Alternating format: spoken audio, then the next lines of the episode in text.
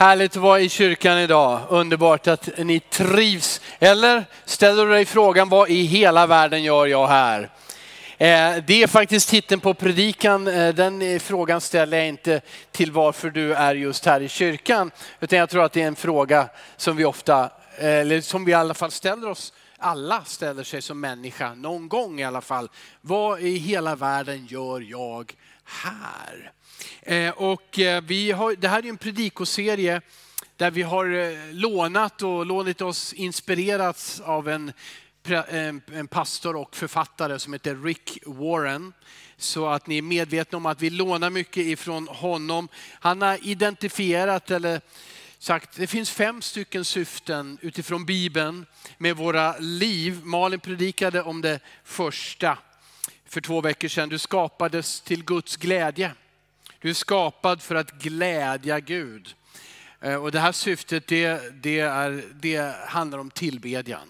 Att tillbedja honom med våra liv. Förra veckan så predikade du ut om det andra syftet. Lika bibliskt. Du skapades för Guds familj. Det kallas gemenskap. Lite av det upplever vi här just nu.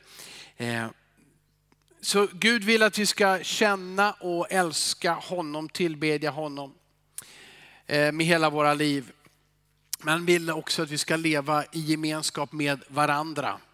Eh, bröder och systrar i en lokal församling. Så idag så är vi framme vid det tredje syftet som vi hittar i Bibeln. Ett syfte för ditt liv. Du har blivit skapad för att bli lik Jesus Kristus. Ja. Du blev skapad för att bli lik Jesus Kristus. Det här syftet kallas lärjungaskap.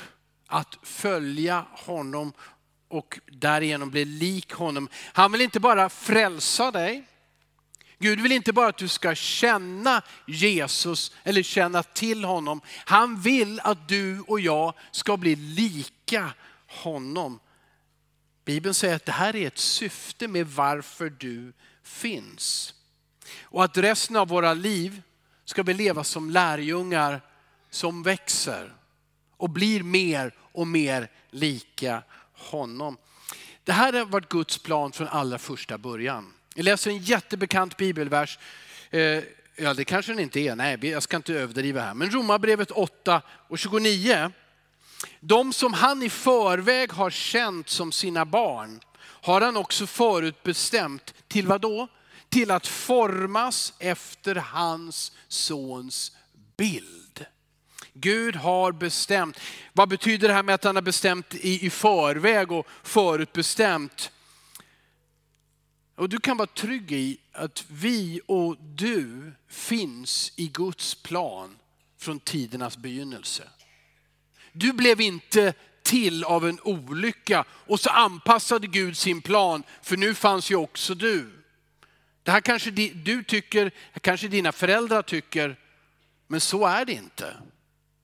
Du har alltid funnits där i Guds tanke, i Guds plan. I hans syfte att du ska bli lik hans son Jesus Kristus. Hur kan Gud göra det här? Jo, han är obunden av tid och rum och han vet. Han talar inte om för dig, han väljer inte och säger inte du måste ta det här beslutet. Men eftersom han är obunden av tid så vet han vem som kommer att hörsamma hans kallelse och svara ja till honom. Det står att du är bestämd till att formas efter Guds sons bild. Gud vill alltså att vi ska växa. Att du ska växa i din karaktär, att du ska bli mer lik Jesus. Och det här är målet för lärjungaskap, att följa honom. Och om det här handlar dagens predikan.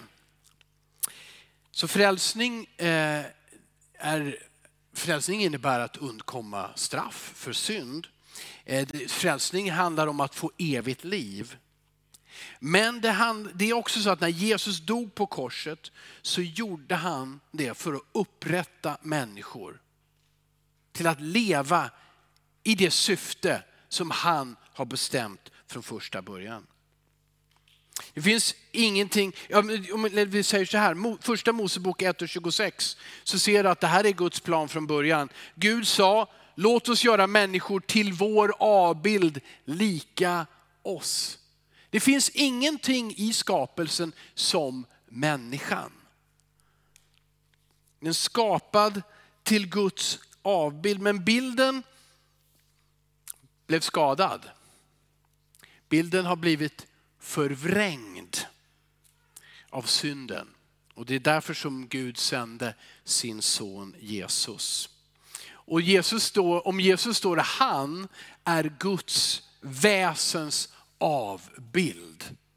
En perfekt återspegling av vem Gud är. När Bibeln säger att det här är målet för dig att bli lik Jesus, då handlar det inte på något sätt om att sudda ut din personlighet och göra alla människor precis likadana, en kopia, ena kopian efter den andra. Det handlar om tvärtom, att du ska blomma ut som människa. Att kunna vara den du är skapad till att vara. Att vara Guds avbild i andligt hänseende, intellektuellt hänseende, relationellt hänseende och moraliskt. Att bli lik Jesus, kanske är viktigt att säga så här, eh, det handlar inte om att bli Gud. Det handlar inte om att upptäcka att du är Gud. Det är inte så att du kan lösa alla dina problem om du bara tittar lite djupare i dig själv och upptäcker det gudomliga och att du är en minigud eller en halvgud. Det här är en kvasireligion som kallas för new age idag. Det är absolut inte det. Tvärtom var det så att när ormen frestade de första människorna, Adam och Eva, så gjorde han det med det att han sa, om ni äter av den här frukten, då kan ni bli lika Gud. Då kan ni bli som Gud, veta lika mycket som Gud. Vad som hände är att de släppte in synden i skapelsen som har förvrängt den avbild som du och jag ska vara av Gud. Vi ser fortfarande mycket av det sköna i människor och i skapelsen. Men vi inser också allt som oftast hur förvrängd och hur skadad den bilden är. Hur vi som människor är och agerar. Så Gud vill inte att du ska bli Gud, men han vill att du ska bli helig. Var heliga skriver Jakob. Var heliga liksom Gud är helig. Eller som det står i Efesierbrevet 4, låt er förnyas till ande och sinne och klä er i den nya människan som är skapad till likhet med Gud i sann rättfärdighet och helighet. Så när Gud frälser dig genom att du tror på Jesus, då gör han dig också till en ny människa. Och därför så säger han, klä på dig, du är nu en ny människa. Och det är du i, i sanning, säger han, i rättfärdighet, i helighet. Du är helt ny. Vill alla som tror på Jesus säga efter mig nu, jag är en ny skapelse. Jag är en ny skapelse i Kristus Jesus. I Kristus Jesus. Amen. Så här ska du se på dig själv. Du är en ny skapelse. Du är heliggjord av Gud. Du är rättfärdiggjord av Gud. Och detta är den sanna bilden om dig. Men då vill han också att det ska synas. Eller hur?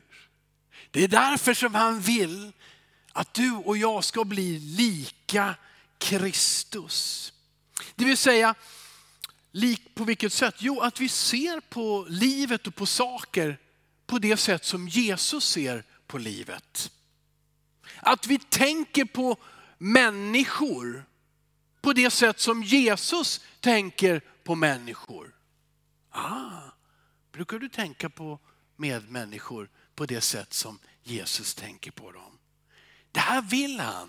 Att du älskar, att du agerar, att du tjänar som Jesus älskar, agerar och tjänar. Det här vill Gud på varje område i ditt liv. Det står i Efesierbrevet 4 och 15 att vi på alla sätt ska växa upp till honom som är huvudet Kristus. Det vill säga vi ska bli lika Jesus Kristus i allt. Vi får komma till Gud som vi är. Utan att förställa oss, presentera oss eller först förbättra oss. Men när han får ta över och bli din Herre, då vill han mejsla fram det som du är skapad att vara. Då vill han hela, då vill han slipa, då vill han låta dig blomma ut som den du är skapad att vara. Och därför så ska vi växa upp, som det stod, och bli lika Kristus i allt. Nu, andlig tillväxt är en livslång process. Amen. Den är livslång, den pågår hela livet. Precis som fysisk tillväxt så, så sker den inte över natt. Detta att vi mognar. Men hur går det till? Ja, om det här nu är Guds syfte för dig och mig, för vår existens, att bli lika Kristus. Hur sker det? Först vill jag ge två snabba svar som jag tror att om vi skulle ha en dialog här så skulle eh, de flesta av oss säga det på en gång och sen vill jag lägga fram tre stycken andra bibliska svar som kanske ändå är något oväntade. Det första är, hur gör Gud dig lik Kristus? Jo, genom Guds ord, genom Bibeln. Okay? Bibeln får dig att växa. Inte om den ligger där, inte om den ligger där, inte om den är i bakfickan eller glömd där hemma. Det är inte så, utan genom att slå upp den, läsa, vara nyfiken, bedja. Säg hjälp mig Gud att förstå. Vad är din vilja? Vad vill du säga genom Guds ord? Men då växer du, då förändras du. Kanske inte direkt under själva läsandet, om det nu är 5, 10 eller 30 minuter eller mer. Men när du tar med dig vad du har läst in i ditt liv och använder det där, så förändras du och blir likare Jesus Kristus. För hur ska vi kunna tänka som Jesus om vi inte vet hur han tänkte? Det här är en ren kun, enkel kunskap. Hur ska jag kunna handla som Jesus om jag inte har läst om vad han gjorde? Så genom kunskapen, så, så, genom läsandet får jag kunskap som förvandlar och förändrar mig. En andra sak, jag sa att jag ville nämna de här två första rätt så snabbt. Det är att Gud använder, vad då för att vi ska växa? Jo, han använder människor runt omkring oss. Det står i Ordspråksboken så här, som järn skärper järn, eller som järn slipar järn, så skärper den ena människan den andra. Amen. Gemenskap med andra skärper oss, slipar oss, formar oss, kan, kan förbättra oss. Eh, det här var ju, det här var ju mycket av, av temat i, tidigare här i, i predikan från Rut förra veckan om just om gemenskap.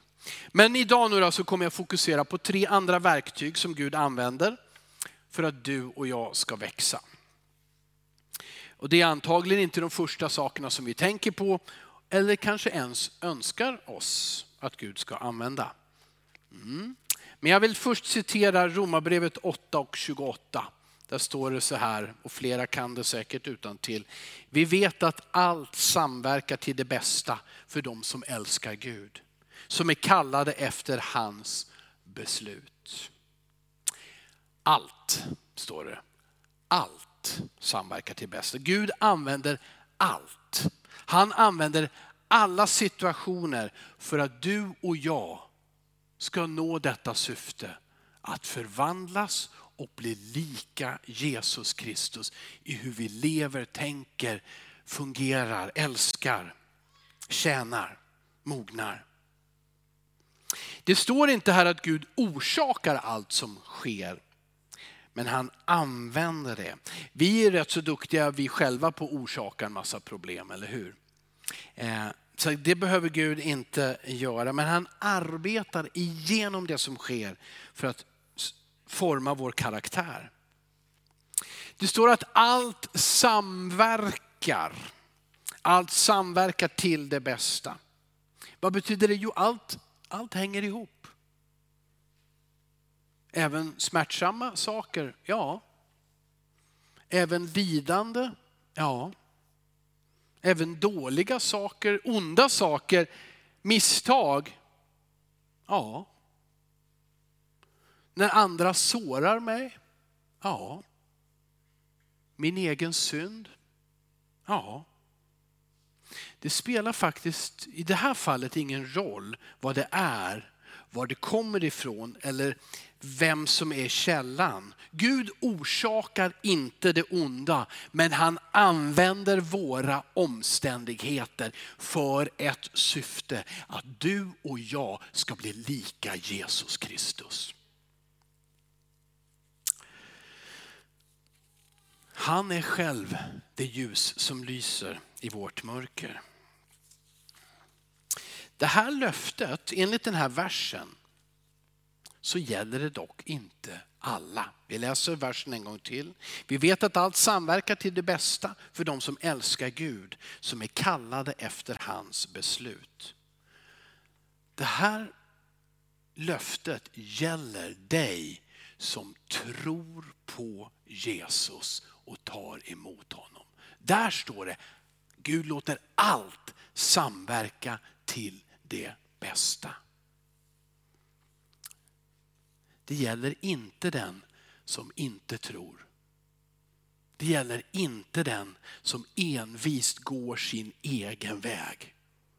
Där samverkar i slutändan allt till det värsta. Och vi går förlorade, säger Bibeln. Men till dig som tror, till dig som vänder dig till Jesus, så finns det tre verktyg som jag nu vill berätta om, eller säga lite grann om. Det första är Gud vill använda våra problem för att lära oss att lita på honom. Ja, så är det. Han vill använda dina och mina problem för vad då? För att lära oss att lita på honom. Det finns synonymer här för problem i Bibeln. Prövningar, svårigheter, lidande, vedermöda. Och Gud, Bibeln beskriver hur Gud använder de här sakerna för att dra oss närmare honom. För att föra oss närmare Gud. Så använder han problem eller prövningar. Ett fordon, man testar fordon, eller hur? För att se om det är säkert och för att kunna rätta till och vidareutveckla.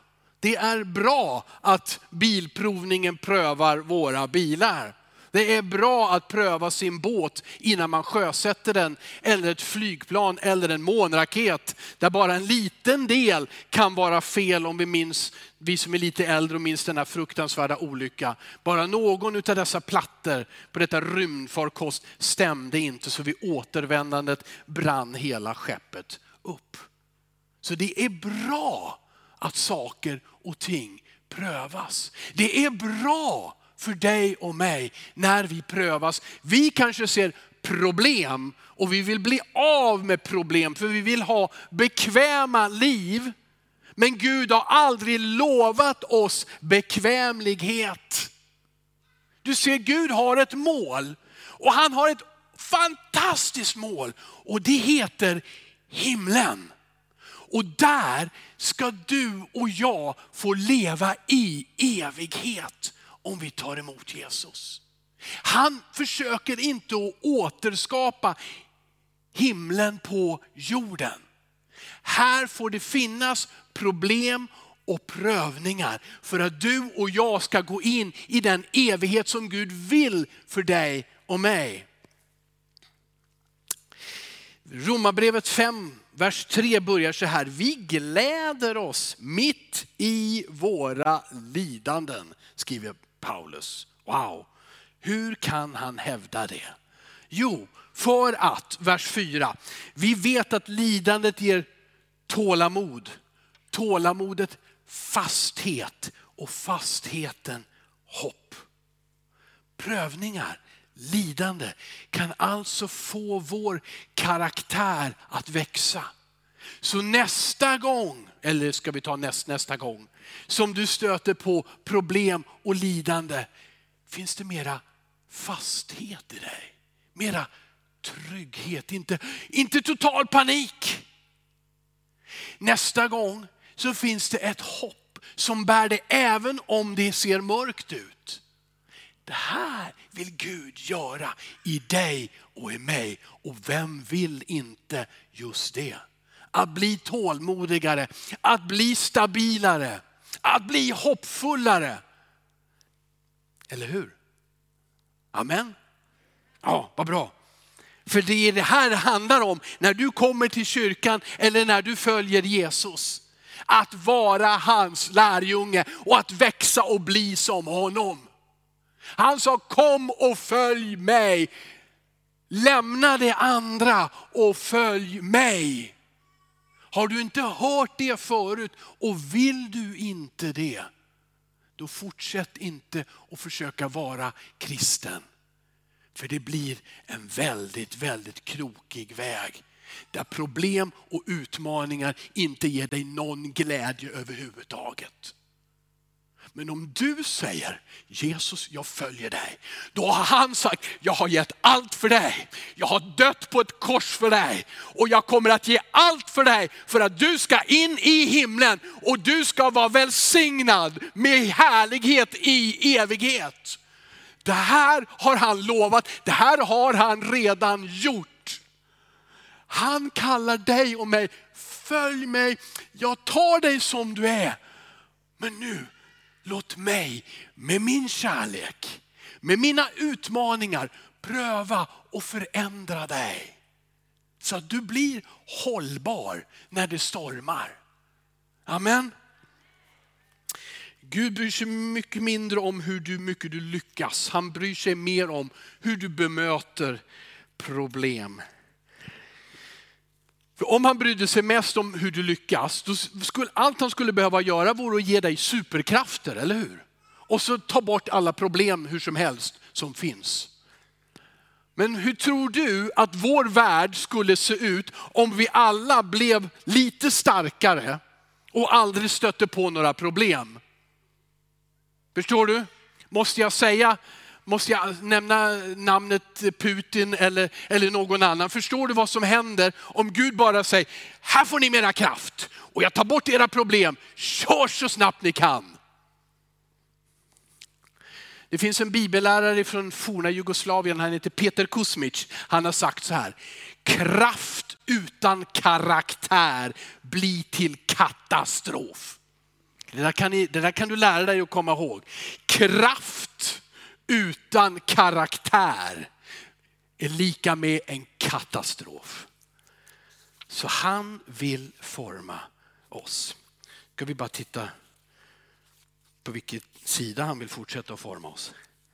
Där är det. Gud vill ge kraft, men han vill också ge oss förändring. Och här finns det många olika saker i Bibeln som den talar om. Men, men i Galaterbrevet så står det att Gud har gett dig och mig sin ande.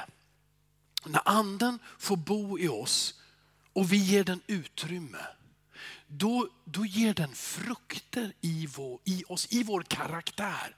Då skapar den resultat. Då är du den där blomman, det där trädet som växer. Och då står det att andens frukt enligt Galaterbrevet 5.22 är kärlek, glädje, frid, tålamod, vänlighet, godhet, trohet, mildhet och självbehärskning. Sådant är inte lagen emot.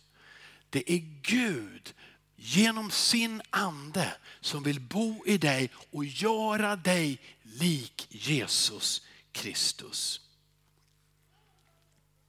Så med Gud i ditt liv så får varje problem, varje prövning ett syfte.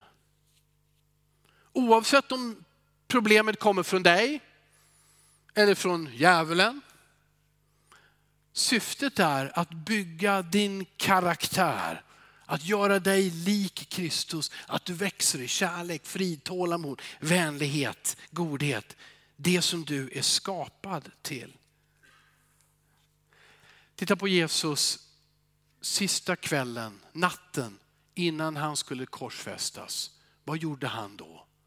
Inför sin största prövning. Så gick han till en plats där han ofta hade varit förr för att be. En trädgård som heter Getsemane.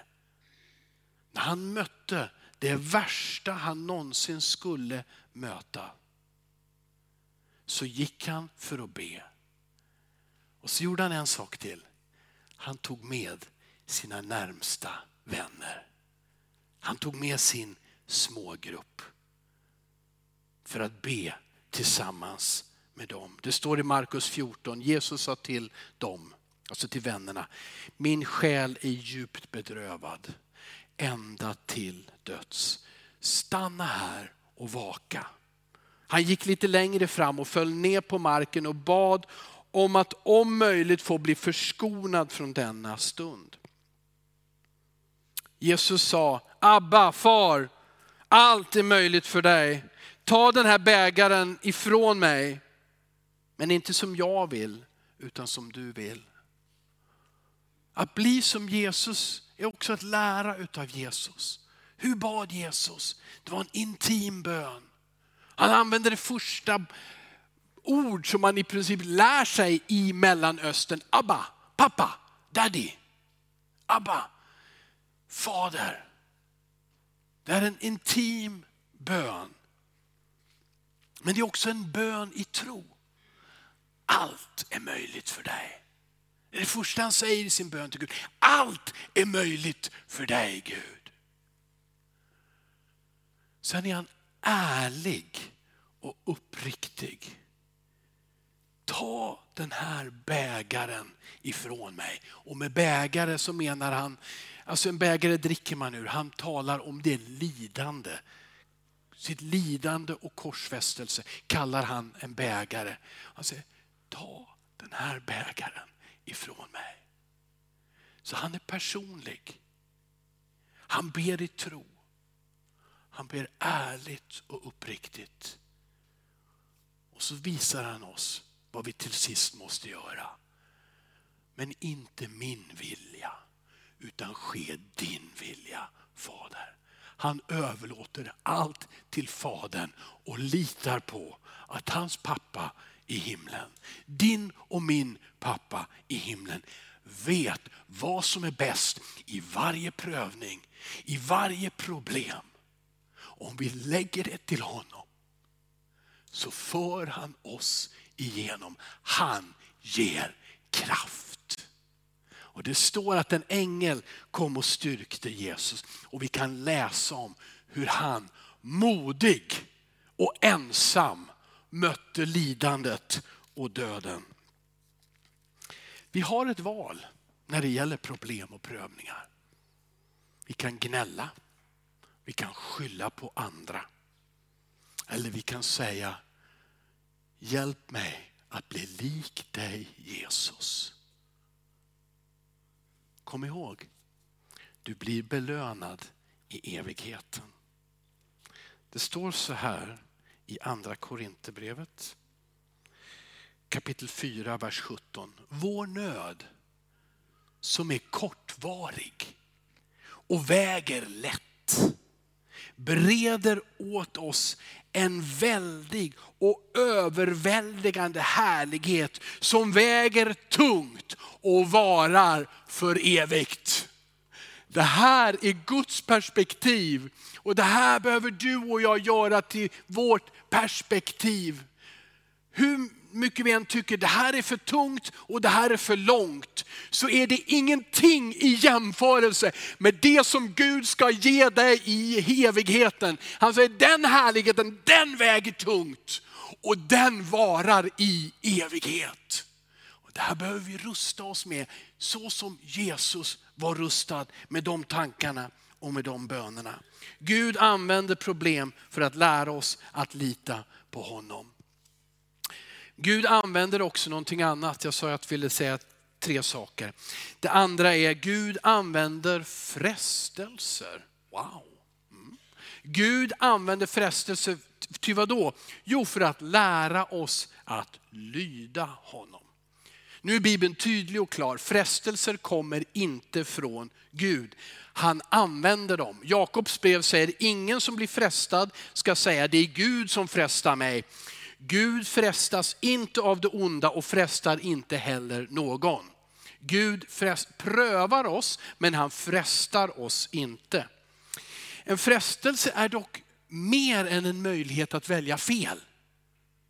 Eller hur? En frestelse, vad det än är, om det är pengar eller alkohol eller sex utanför äktenskapet, vad det än är, så är det också en möjlighet att välja rätt och växa.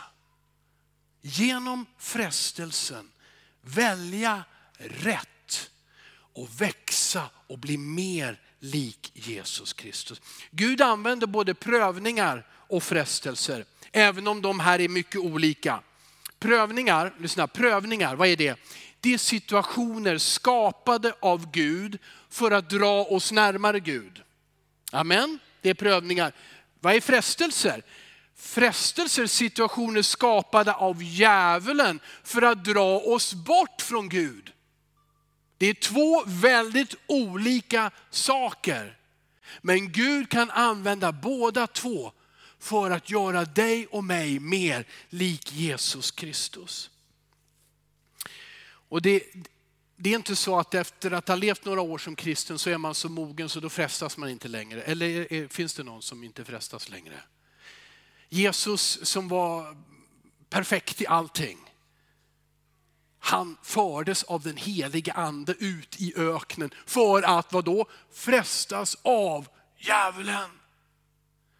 Och djävulen frestade honom så gott han bara kunde. Och Jesus svarade med Guds ord och det som Gud hade gett honom. Han övervann det. Och så står det att han kom stärkt ut ur öknen och började predika Guds ord. Hela de sjuka, befria de bundna. Jesus gick igenom frestelsen med Gud och blev starkare. Ett par saker om frestelser. Kom ihåg, det är ingen synd att bli frestad. Okej? Okay? Det, är ingen synd. det betyder inte att du är syndig när du blir frestad. Synden ligger i din och min reaktion. Vad vi väljer att göra. Eh, Martin Luther, det här är väl välkänt bland många, han sa så här, du kan inte, han ville ge en jämförelse, sa, du kan inte hindra fåglar från att flyga över ditt huvud. Men du kan hindra dem från att bygga ett näst i ditt hår. Nu vet ni varför jag inte har något hår. Praktiskt va? Nej, det, det föll av av mera naturliga processer och orsaker i åldrandet. Eh, men i alla fall så, det där är frestelse. Du, du kan, det är inte synd att bli frestad, men du kan välja vilket utrymme du ger det i dina tankar, i ditt hjärta och i ditt liv. Det står ju faktiskt om Jesus själv att han har fått lida och blivit frestad, men därigenom kan han hjälpa dem som frestas. Om Jesus själv som inte syndade blev frestad, då förstår vi att bli frestad är inte en synd. Men vad fantastiskt. Det stod, vi läser det här en gång till. Genom att han själv fått lida och blivit frestad kan han hjälpa dem som frestas. Jesus lärde sig alltså saker under livet. Och det lärde han sig genom det där som vi tycker allra värst om. Det som kommer från djävulen och bara ute efter att skada och förstöra oss. Han lärde sig. Därigenom kan han hjälpa andra som lider och frestas. Om Jesus kunde lära sig något av frestelser, då kan du och jag också lära oss något av frestelser. Amen. Kom ihåg också att alla frestas. det är inte bara du. Djävulen älskar att få dig att tro att det är bara du som tänker på en sån här hemsk sak. Och om det här avslöjas vad du tänker på, då kommer alla tänka du är den värsta människan som finns. Det här är en lögn. Alla människor, det är bättre att jag pekar på mig själv nu. Alla människor frestas. Alla. Alla. Men det är viktigt att vi inte tror på vad djävulen säger utan på Guds ord. Första Korinthierbrevet 10.13. Ingen annan frestelse har drabbat er än vad människor får möta. Och Gud är trofast. Han ska inte tillåta att ni frestas över er förmåga. Samtidigt med frestelsen kommer han också att ge en utväg så att ni kan härda ut. Okej? Okay? Frestelser är alltså ett test på vår kärlek till Gud. Vem, ett test vadå? då? Jo, vem älskar du mest? Älskar du Gud eller pengar mest? Älskar du nöje eller Gud mest? Älskar du sex eller Gud mest? Vad det än är, Jesus sa så här, om ni älskar mig håller ni fast vid mina bud. Och kom ihåg vad som stod här, Gud kommer att visa dig en utväg. När du hör någon säga, ah, det gick inte att motstå, den frestelsen var alldeles för stark, det var helt omöjligt, jag bara måste göra det. Då är det inte sant för dig som tror på Jesus, har tagit emot honom, som har Guds heliga ande boende i dig. Gud vill alltid, alltid alltid visa dig en utväg. Han vill alltid ge dig kraft. För han vill vad då? Skada dig och få dig att misslyckas? Nej! Han vill att du ska få växa med honom och bli lik Jesus Kristus. Det finns alltid en utväg. Det finns alltid kraft när vi följer Jesus. Amen. Så Gud använder problem för att lära oss att lita på honom. Han använder frestelser för att lära oss att lyda honom. Han planerar inte frestelserna, men han använder dem. Och det sista som jag vill säga, för att göra oss mer lika Kristus så använder Gud överträdelser. Wow, överträdelse är ett, ett annat ord för synd. Nu ska vi se här. Han använder överträdelser för att lära oss att förlåta. Vad är överträdelse? Ja, jag, ett, om jag träder över på ett sätt så trampar jag på dina tår. Okej? Okay? Här är det, får det vara en bild. Det här är allvarligare. Jag överträder gränser. Jag gör något som jag inte ska göra. Jag tar något jag inte får ta. Men Gud använder också dem. Okej. Okay. Om prövningar är designade av Gud för att dra oss närmare honom. Om frestelser är designade av djävulen för att dra oss bort ifrån Gud, då kanske vi kan säga så här, att överträdelser är situationer skapade av andra människor som sårar oss eller kränker oss. Vi lever i en fallen värld. Människor skadar varandra. Medvetet eller omedvetet. Och därför så lärde Jesus oss att be i den välkända bönen Fader vår. Förlåt oss våra skulder så som vi förlåter de som står i skuld till oss. Ser du hur du, du och jag genom denna bön och genom denna inställning kan bli mer lika Jesus även genom överträdelser. Det här är nog det tuffaste och svåraste steget i att bli mer lik Jesus. Varför? För det inkluderar att bli missförstådd. Det inkluderar att bli kritiserad, att bli dömd, till och med att bli utnyttjad. Och det här är inga bra saker. Det är ingenting som Gud vill. De kommer inte ifrån Gud. Gud hatar synden. Men tänk på att Gud beskyddade inte ens sin egen son från detta.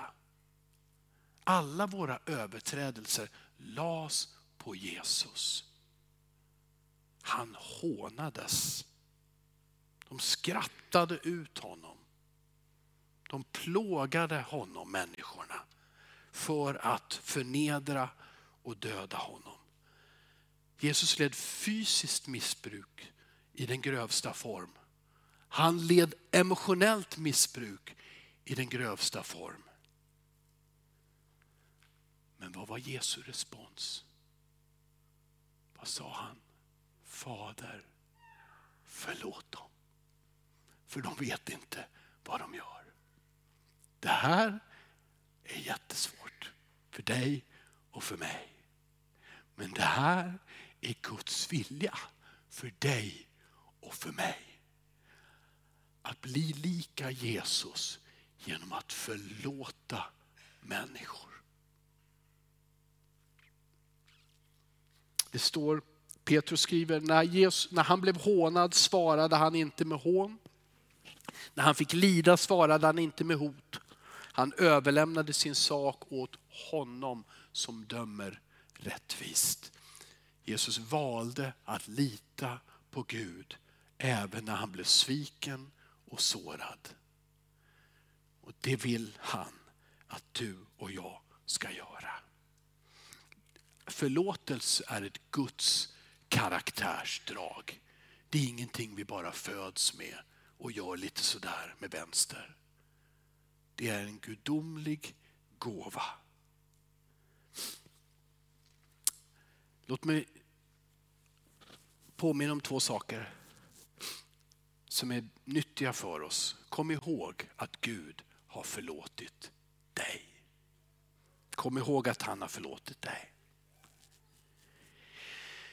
Kom också ihåg att Gud har allt i sin hand. Han låter allt samverka till det bästa för dem som älskar honom. Påminner om, bara kort, Josef i gamla testamentet. Kommer ur en dysfunktionell familj där man älskar varandra lite olika och behandlar varandra lite olika. Till slut blir han förrådd av sina egna bröder, blir såld som slav. Skickad till ett annat land antagligen går många år både av slaveri och fängelse, vara förskjuten och sviken av familjen och det brutalaste. Men Josef valde att lita på Gud. Så när hans bröder sen kommer under en hungersvält till Egypten, där Gud i rätt ögonblick hade upprättat Josef och gjort, gjort honom till andra, andra mannen eller andra personen i hela det egyptiska riket. Vid rätt tid, då inför hungersnöden, när hans bröder kom till Egypten för att köpa säd för att överleva, då var det Josef som bestämde. Han hämnades inte. Han straffade dem inte för vad de hade gjort orätt mot honom. Han lämnade allt det där till Gud. Och så säger han ju så här till sina bröder, första Moseboken 50 och 20. Ni menade ont mot mig, men Gud har menat något gott genom det för att bevara många människor vid liv. Ett starkt, starkt exempel på en människa som blev utnyttjad men valde att lita på Gud och förlåta för att bli mer lik Jesus Kristus. Så för att sammanfatta, Gud använder problem för att lära oss att lita på honom. Prövningar, problem. Men han använder också frestelser. För vad då? För att lära oss att lyda honom, inte lyda frestelsen. Han planerar dem inte, men han använder dem. Och till sist, Gud använder även överträdelser för att lära oss att förlåta.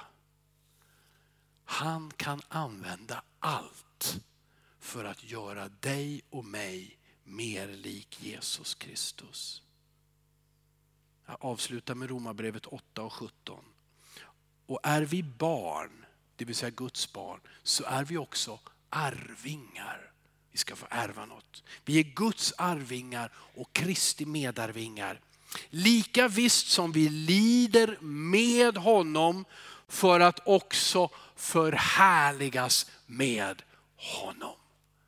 Om vi går med honom och låter honom gå med oss genom lidande, genom frestelser, genom det synd som finns i världen. Då ska vi förhärligas. Då ska vi vinna ett ofattbart segerpris med honom. Gud använder allt. Hans mål är sagolikt fantastiskt. Det är en härlighet som slår allt. Oavsett vad du går igenom så vill Gud att du reagerar på samma sätt som Jesus. Han vill lära dig så att du blir mer lik Jesus Kristus och ser framåt med hopp och tro. Amen. Fader i himlen. Hjälp oss nu med detta.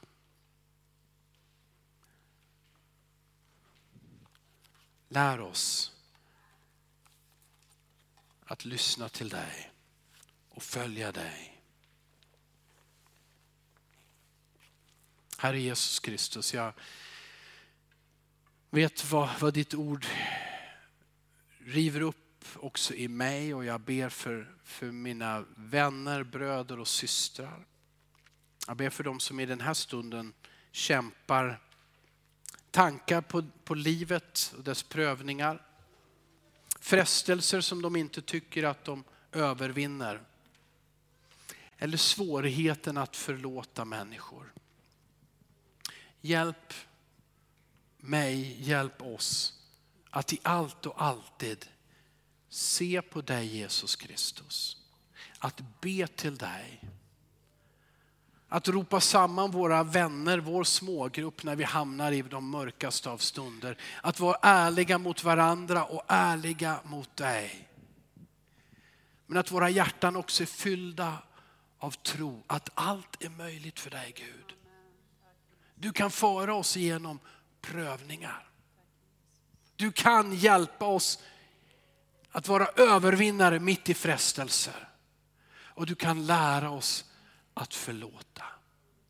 Hjälp oss, jag ber dig, så att vi får vara det där folket, Guds folket, som är fyllda av kärlek, frid, vänlighet, tålamod, uthållighet, godheter. Ja, att din andes goda frukter växer i våra liv. Så att vi får vara till välsignelse som du har välsignat oss Herre, vill vi välsigna andra och varandra. Hjälp oss nu med detta. I Jesu namn. Amen.